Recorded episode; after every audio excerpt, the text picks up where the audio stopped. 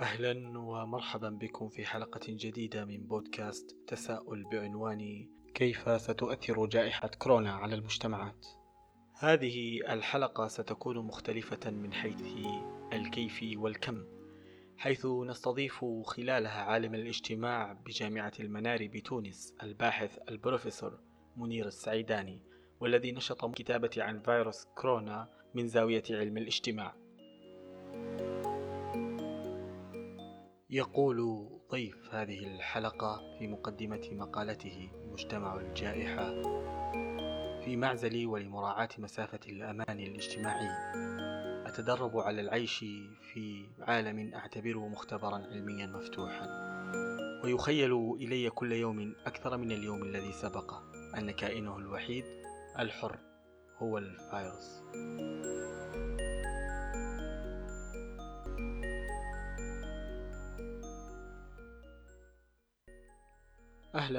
دكتور وممنون لقبولك الدعوة. سأبدأ بسؤالي مباشرة. كنت قد كتبت مقالتين رائعتين الأولى بمنتصف شهر مارش بعنوان فيروس كورونا في مختبر علم الاجتماع والأخيرة بنهاية ذات الشهر بعنوان مجتمع الجائحة. ناقشت فيهما بعض القضايا الاجتماعية من منظور مثير ومختلف في ظل الظروف التي يمر بها العالم هذه الأيام. وكان من المناسب أن نطرح مثل هذه المفاهيم التي تتناول الموضوع من زوايا غير مطروقة في إعلامنا العربي من قبل على الأقل حسب علمي. في البداية ومن زاوية أوسع قليلا مما قد نذهب إليه بعد ذلك كنتم قد ذكرتم أن فيروس كورونا يدخل إلى علم الاجتماع من منفذ العزلة والانعزال فهو يجبر سكان العالم على الحد من الاحتشاد والتواصل ولكنه بالمقابل يجبرهم على تغيير أشكال تواصلهم الاجتماعي وإقامتهم لروابطهم. وسؤالي هنا هل تؤسس هذه الجائحة أي فيروس كورونا إلى فردانية مجتمعية؟ بالتالي لفردانية منهجية خصوصا في المجتمعات التي تعتبر الجماعة بمختلف أشكالها عمودها الفقري. أم أنها أي الجائحة ستكون ردة فعل أقوى لهذه المجتمعات؟ لتعود بعد هذه التأثيرات المؤقتة إلى توطيد شكل الجماعة أو الارتقاء بها. نعم. شكرا على الاستضافة أولا آه، وشكرا على التنويه بالمقالين ثانيا.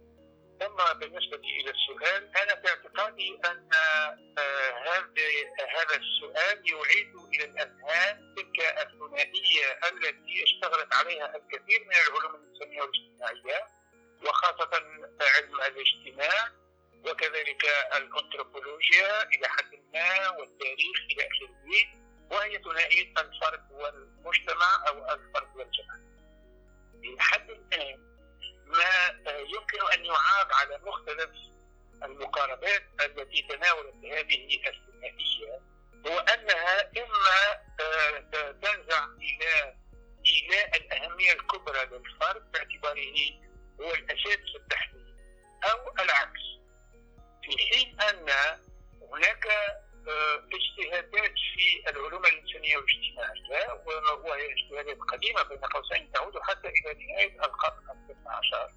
تحاول أن تبين أنه ليس بالإمكان أن نقف على أحد طرفي الثنائية وإعطائها الأهمية الكبرى على حساب يعني الطرف الثاني اقتراحي هنا هو أنه يجب أن ننظر إلى الفرد بوصفه فردا ولكن في سياق تفاعلاته مع المحيطين به ثم مع المجموعات الأوسع ثم ربما مع جماعته القريبة منه باعتبارها جماعة ثقافية أو جماعة إثنية أو جماعة قبلية إلى آخره وصولا إلى المجتمع الشامل. هذا الأمر يعيد وضع الفرد بوجهه فردا يعني بخصوصيته بتصوراته بأفكاره وحتى بحريته الشخصية. وربما بتكوينه النفسي الشخص. تعيد وضعه إذا في سياق تفاعلات اجتماعية أوسع. وبذلك يكون لدينا هذه الزاوية التي تعير الاهتمام بالفرد ولكنها في نفس الوقت لا تعزله عن المجموعة لأن هناك جانبا كبيرا جدا إن لم نكن إن لم يكن محددا إلى حد ما في شخصية هذا الفرد ترتبط بالجماعة أي ترتبط بالثقافة ترتبط بالتقاليد ترتبط بالعادات إلى آخره. الآن ودون أن نغرق في مناقشات نظرية أنا في اعتقادي أن بالإمكان أن ننتقل من الفرد إلى المجموعة وبالعكس أو من الفرد إلى المجتمع. وبالعكس انطلاقا من هذا الترابط بين الفرد ومحيطه بوصفه محيطا مكونا من أفراد آخرين. لهم هم أيضا خصوصيتهم لهم هم أيضا تفردهم ولكنهم يجتمعون في هذه الاجتماعية. أنا في اعتقادي أن مصطلح الاجتماعية يمكننا من أن نخرج من هذه الثنائية أو هناك حتى مقترحات نظرية أخرى أو حتى مسؤولية أخرى من بينها مفهوم التشكل. يعني ننظر إلى الأفراد بوصفهم أفرادا تجمع بينهم علاقات وهذه العلاقات هي التي تشكل لهم مواقعهم.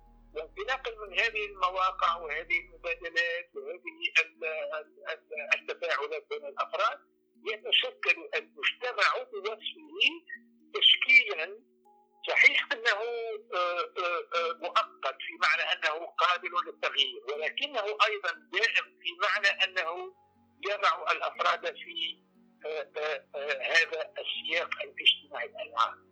الان ان أردنا أن نطبق هذا الذي كنا نقول على ما أسميته مجتمع الجائحة. أنا في اعتقادي أننا مقبلون على إعادة مناقشة هذه العلاقة بين الفرد والمجتمع انطلاقا من آه هذا المفهوم الذي بدأت به سؤالك وهو مفهوم العزلة أو مفهوم الانعزال أو مفهوم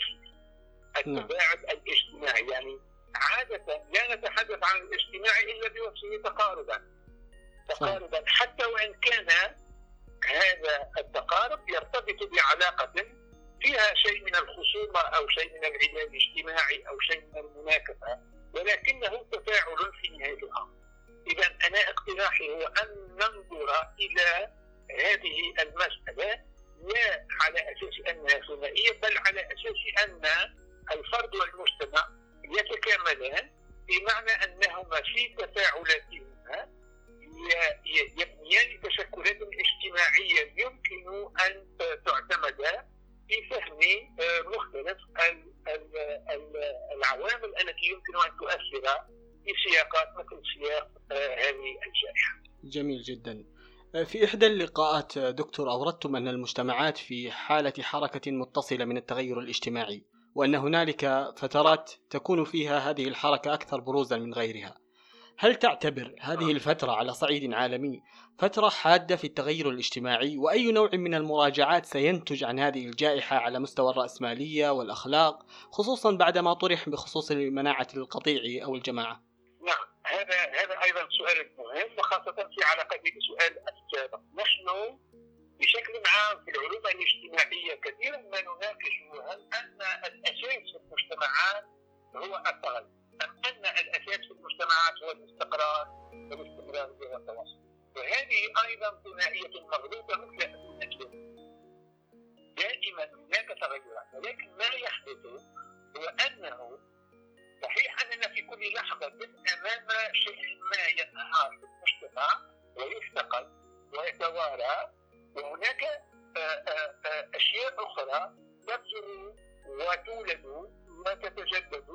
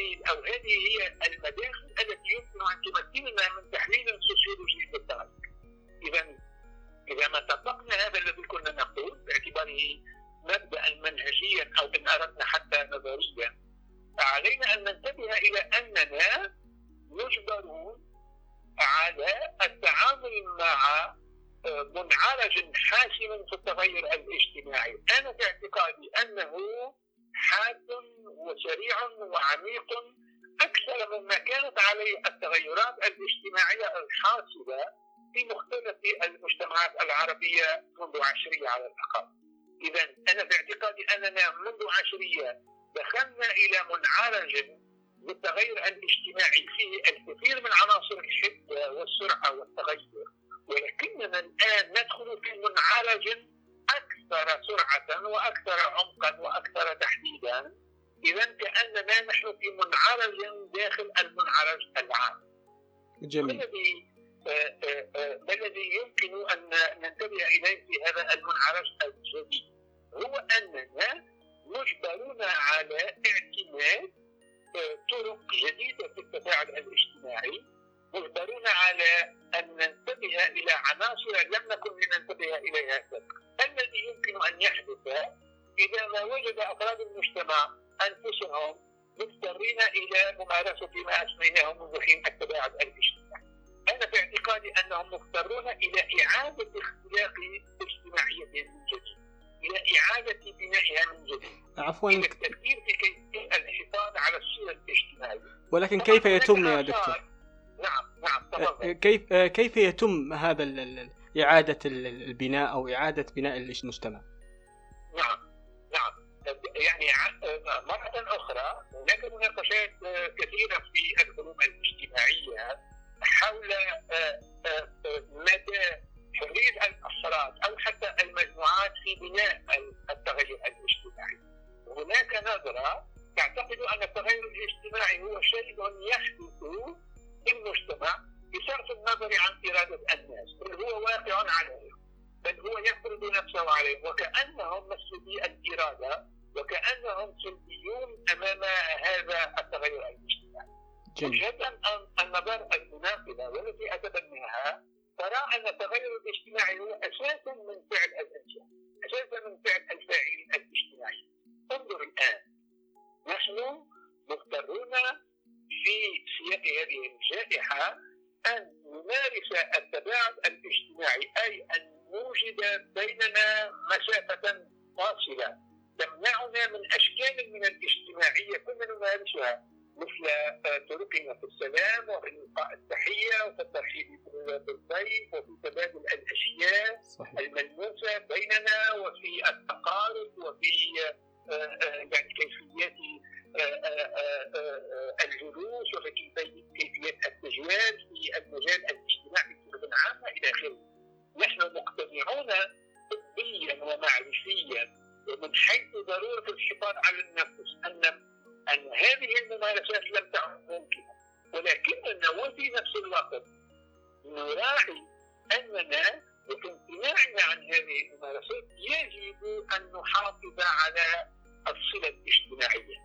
نحافظ على علاقات الأخوة ونحافظ على علاقات البنوة ونحافظ على علاقات الجيرة ونحافظ على علاقات الزمالة بل أيضا نحافظ حتى على العلاقة التي تربط أفراد متباعدين مع بعضهم البعض بل أكثر من هذا نحافظ على العلاقة بين أفراد المجتمع ومختلف المؤسسات الاجتماعية سواء كانت مؤسسات الطبية أم تعليمية أم حتى مؤسسات سياسية آه، سلطوية أو غير سلطوية. إذا ليس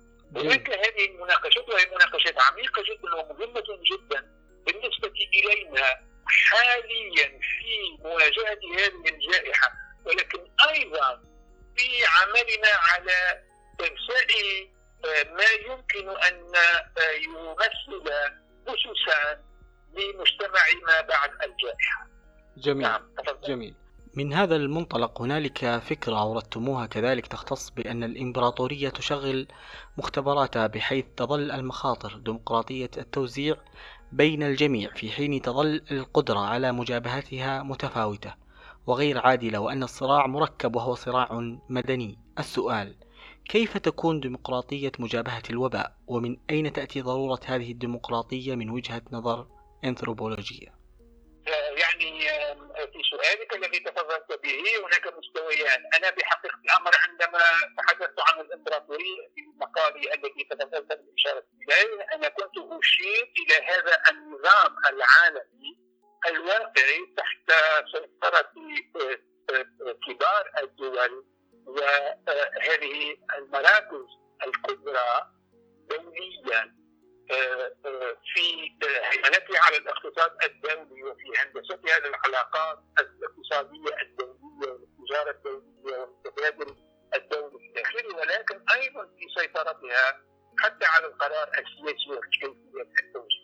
أنا تحدثت عن هذه الإمبراطورية التي تحضر في حياتنا اليومية وتؤثر تاثيرا بالغا في كل المجتمعات تقريبا. على اعتبار أنها ستحاول هي أيضا أن تستفيد من هذا السياق الذي يوجد فيه وهو سياق الجائحة. صحيح أنني في إجابتي عن سؤالك السابق تحدثت عن التغير الاجتماعي الذي يمكن أن يكون نتيجة لفعل الأفراد ولفعل المجتمعات صحيح. في تقريرهم لمصادرهم وفي بحثهم عن حلول لمشاكلهم. ولكن لا يجب أن ننسى أن هذا التغير الاجتماعي. هو محط نزاع ومحط صراع. ومن بين القوى التي تشارك في هذا الصراع ما أسميته في مقال القوى الإمبراطورية. أنا أتحدث طبعا عن ذوي المصلحة في أن يحولوا هذه الجائحه إلى مناسبة لمزيد الاثراء ولمزيد تكليف الأرباح ولمحاولة تلبيس آه، آه، نتائج آه، هذه الجائحة من المنظور الاقتصادي بما هي جائحة مسببة لاستشراء البطالة وربما تقضي على بعض المؤسسات الصغرى والمتوسطة التي لا يمكن لها أن تصمد أمام الأزمات الاقتصادية مثل هذه وصغار التجار وكذلك الطبقات الفقيرة إلى آخره. تحاول أن تلبس النتائج السلبية لهذه الجائحة لهذه الطبقات وطبعا من وراء ذلك ستحاول أن تلبسها إلى آه، الدول التي آه، لا باع لها ولا قوة لها في الصراع الدولي. اذا هذا في المستوى العام وفي المستوى الدولي. داخليا هناك أيضا هذه الوكالات التي تشتغل لصالح الإمبراطورية والتي تسمى آه، يعني في الأدب السياسي الكلاسيكي تسمى دولا في حقيقة الأمر إذا ما نظرنا إلى آه، إلى السوق الدوليه بوصفها نظاما متكاملا سنجد أن مختلف التشكيلات السياسية الحاكمة في الكثير من الدول إن لم يكن في أغلب الدول يشتغل لصالح هذه الإمبراطورية. وداخليا يعني ذلك أن الصراع من أجل آه، آه، تحويل هذه الجائحة إلى فرصة هو صراع بين من يستفيد منها. صحيح. وجهه النظر التي حاولت أن أدافع عليها أو أدافع عنها في مقالي الذي تفضلت باشاره اليه هو أن هذه فرصة لمزيد التمكين لمزيد تمكين الناس بوصفهم أفرادهم وبوصفهم مجموعاتهم وبوصفهم جمعياتهم وبوصفهم روابط وبوصفهم آه، آه، آه، يعني تشكلات اجتماعية مختلفة. تمكينهم من أن يحولوا هذه الجائحة لفائدتهم. في معنى تعميق الممارسة الديمقراطية بمعنى أن السياسات الصحية التي يجب أن تطبق الآن أي سياسات شكل الحياة أو السياسات الحيوية كما يقال قد نأتي لذلك. بأقصى ما أمكن من التشاؤم وبأقصى ما أمكن من التفاعل وبأقصى ما أمكن من التعاون. حتى يقطع الباب أمام إمكانيتين مرعبتين بالنسبة إلى البشرية، الإمكانية الأولى هو أن تنتصر هذه الجائحة على هذه السياسات الصحية فتتحول إلى كارثة بالنسبة إلى حياة الناس. ونحن نعلم جيدا أن هؤلاء المهددون ب أن هؤلاء المهددين بالموت جراء هذه الجائحة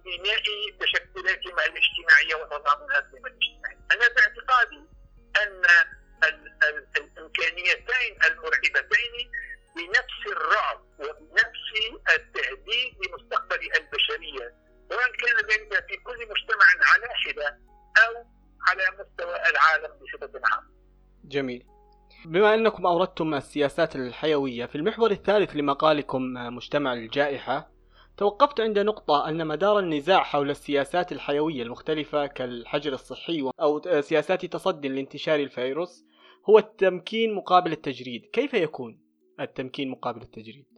نعم. يعني بين المفهومين هناك المفهوم الأول هو مفهوم التمكين الذي انتشر انتشارا بالغا جدا.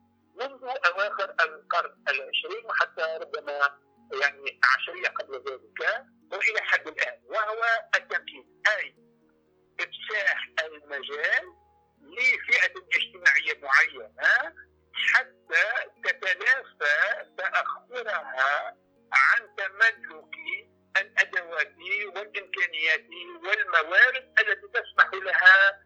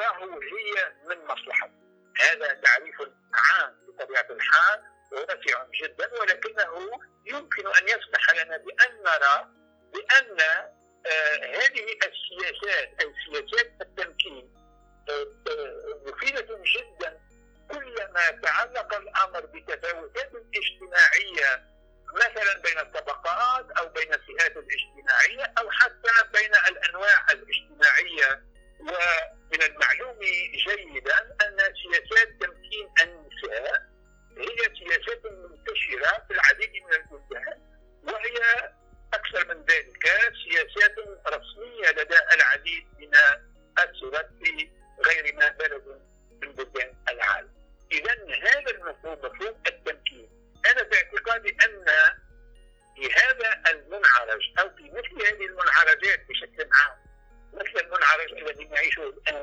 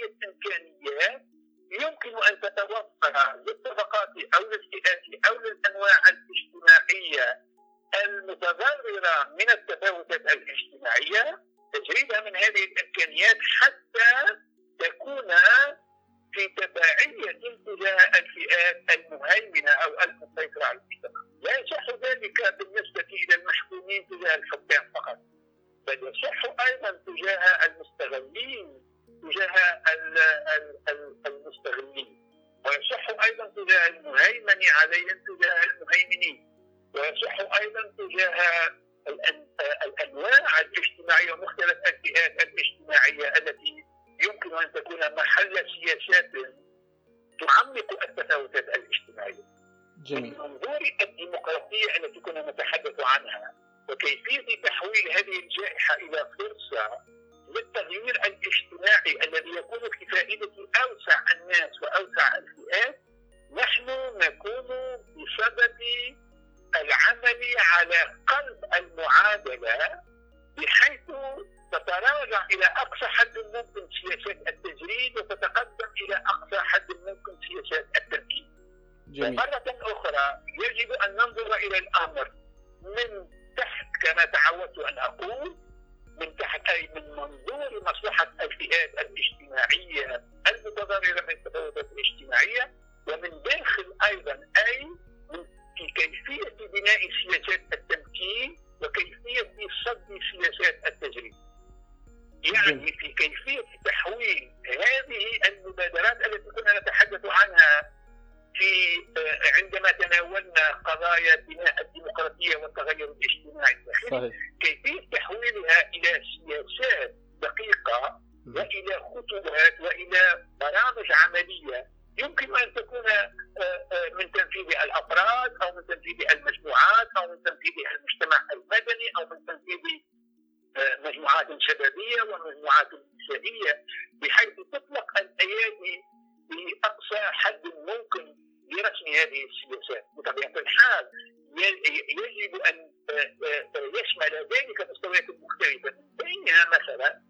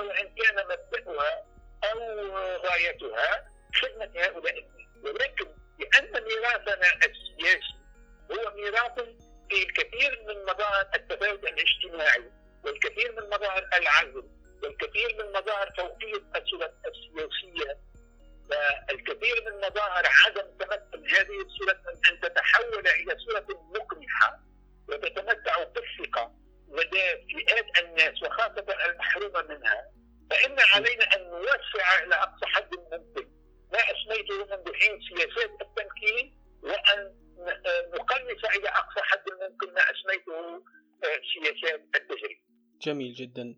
أه، أه، كذلك في مقالتكم مجتمع الجائحة. هنالك نقطة لا أود أن أن أغفلها وهي قلتم أه، هل سيدفع التفاوت بين أفراد المجتمع الواحد في فرص نجاتهم أو حتى بصورة أقل تعقيدا كتحمل تبعات الحجر الصحي؟ ظهور صراعات جديدة وإعادة لتشكيل مفهوم العدالة المجتمعية خارج نطاقها الذي ألفناه؟ نعم. أنا في اعتقادي أن علينا أن إلى أن آه، آه، آه، المبادئ الكبرى أو حتى القيم الكبرى التي تعيش عليها المجتمعات تتحول بشكل دائم وتتغير بشكل دائم. نحن تعودنا على أن نستخدم الكلمات أو الألفاظ والتسميات وكأن لها معنى قارا ثابتا مستقرا دائما والحقيقة على غير ذلك في حقيقة الأمر شعار شعار العدالة الاجتماعية يمكن أن يتخذ الكثير من السياق الآن في هذا السياق الذي نوجد فيه نحن الآن لا يمكن أن نناقش العدالة الاجتماعية من دون أن نناقش مثلا آه، آه، آه، الترابط بين كيفيات خلق الثروة في المجتمع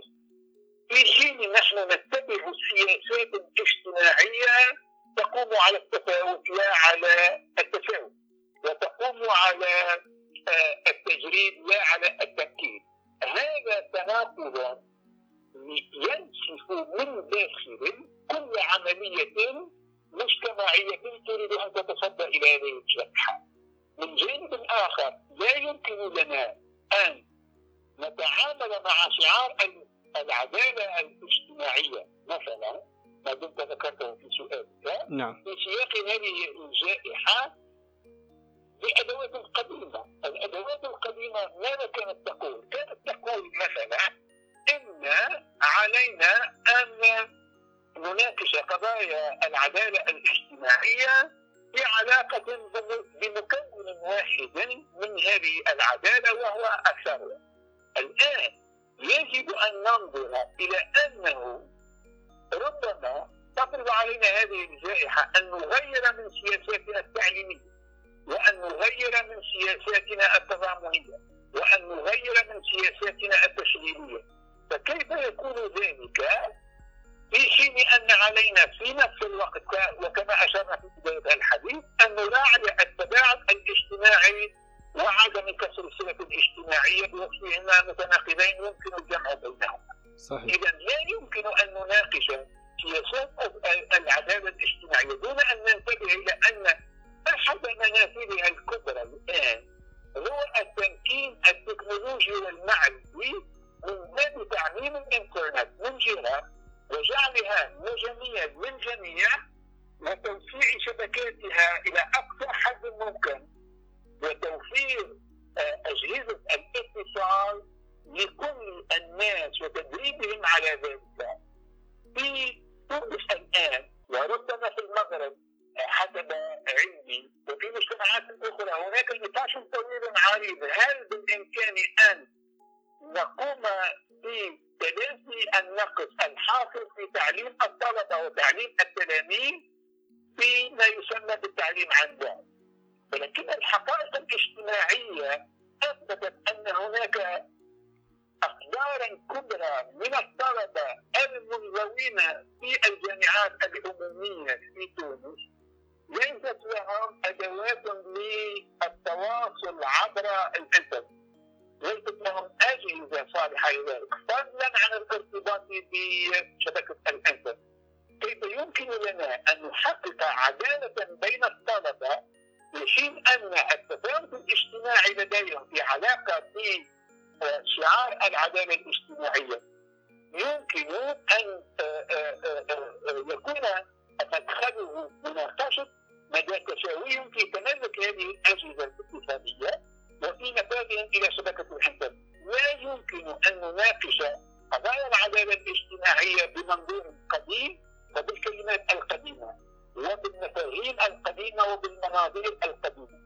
وهذا معنى من المعاني الذي آه، آه، التي يمكن أن نفهم بها كيف نحول هذه المحنة إلى فرصة للتغير الاجتماعي الذي يمكن أن يكون في صالح غالبية الناس.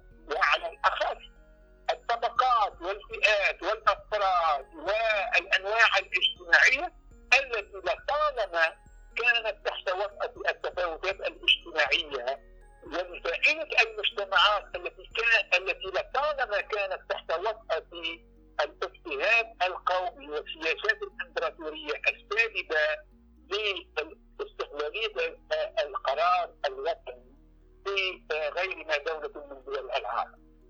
جميل جدا. شكرا دكتور منير على وقتك ورحابة صدرك. شكرا جزيلا واذا لديك شيء تود أن تضيفه فالمايك لديك. أنا أريد أن أشكركم ثانية على هذه الفرصة وأريد أن اثمن هذا الجهد الذي تقومون به أنا على قدر ما علمت أنتم مبادرة حرة شبابيه تحاولون من خلالها أن يكون لكم دور في هذا الذي كنا نسميه منذ حين التغيير الاجتماعي من تحت الداخل. بما أنكم تنتمون إلى هذه الفئة الخلاقة والمجددة دائما فئة الشباب فيسمح لنا هذا هذه الفرصة تسمح لنا هذه تفضل. الفرصه اتحدثها بأن نعتقد ان مستقبلنا يمكن أن يكون مزهرا بفضل هذه المبادرات التي تجمع الإرادة وشيئا من المعرفة الحديثة بأجهزة الاتصال خلال تستغل هذه الظرفيات الجديدة بحيث تكون في مقدمة من يسعى إلى تكريس ما أسميته منذ حين سياسات التمكين من أجل تصدي مجتمعي عميق وشامل لهذه الجائحة فشكرا لكم. وباعتقادي أن مجتمعاتكم يمكن أن تكون لا فقط فخورة بكم ولكن يمكن أيضا أن تكون على نوع من الثقة بان مستقبلها سيكون أفضل من حاضرها بما يتوفر لديكم من هذه الإرادة وهذه أو هذا التوجه الاجتماعي الذي احبه كثيرا.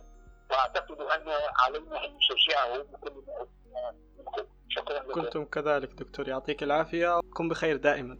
الله يخليك. وفي ختام هذه الحلقة نتمنى أن تكونوا بخير أنتم ومن تحبون. إلى اللقاء.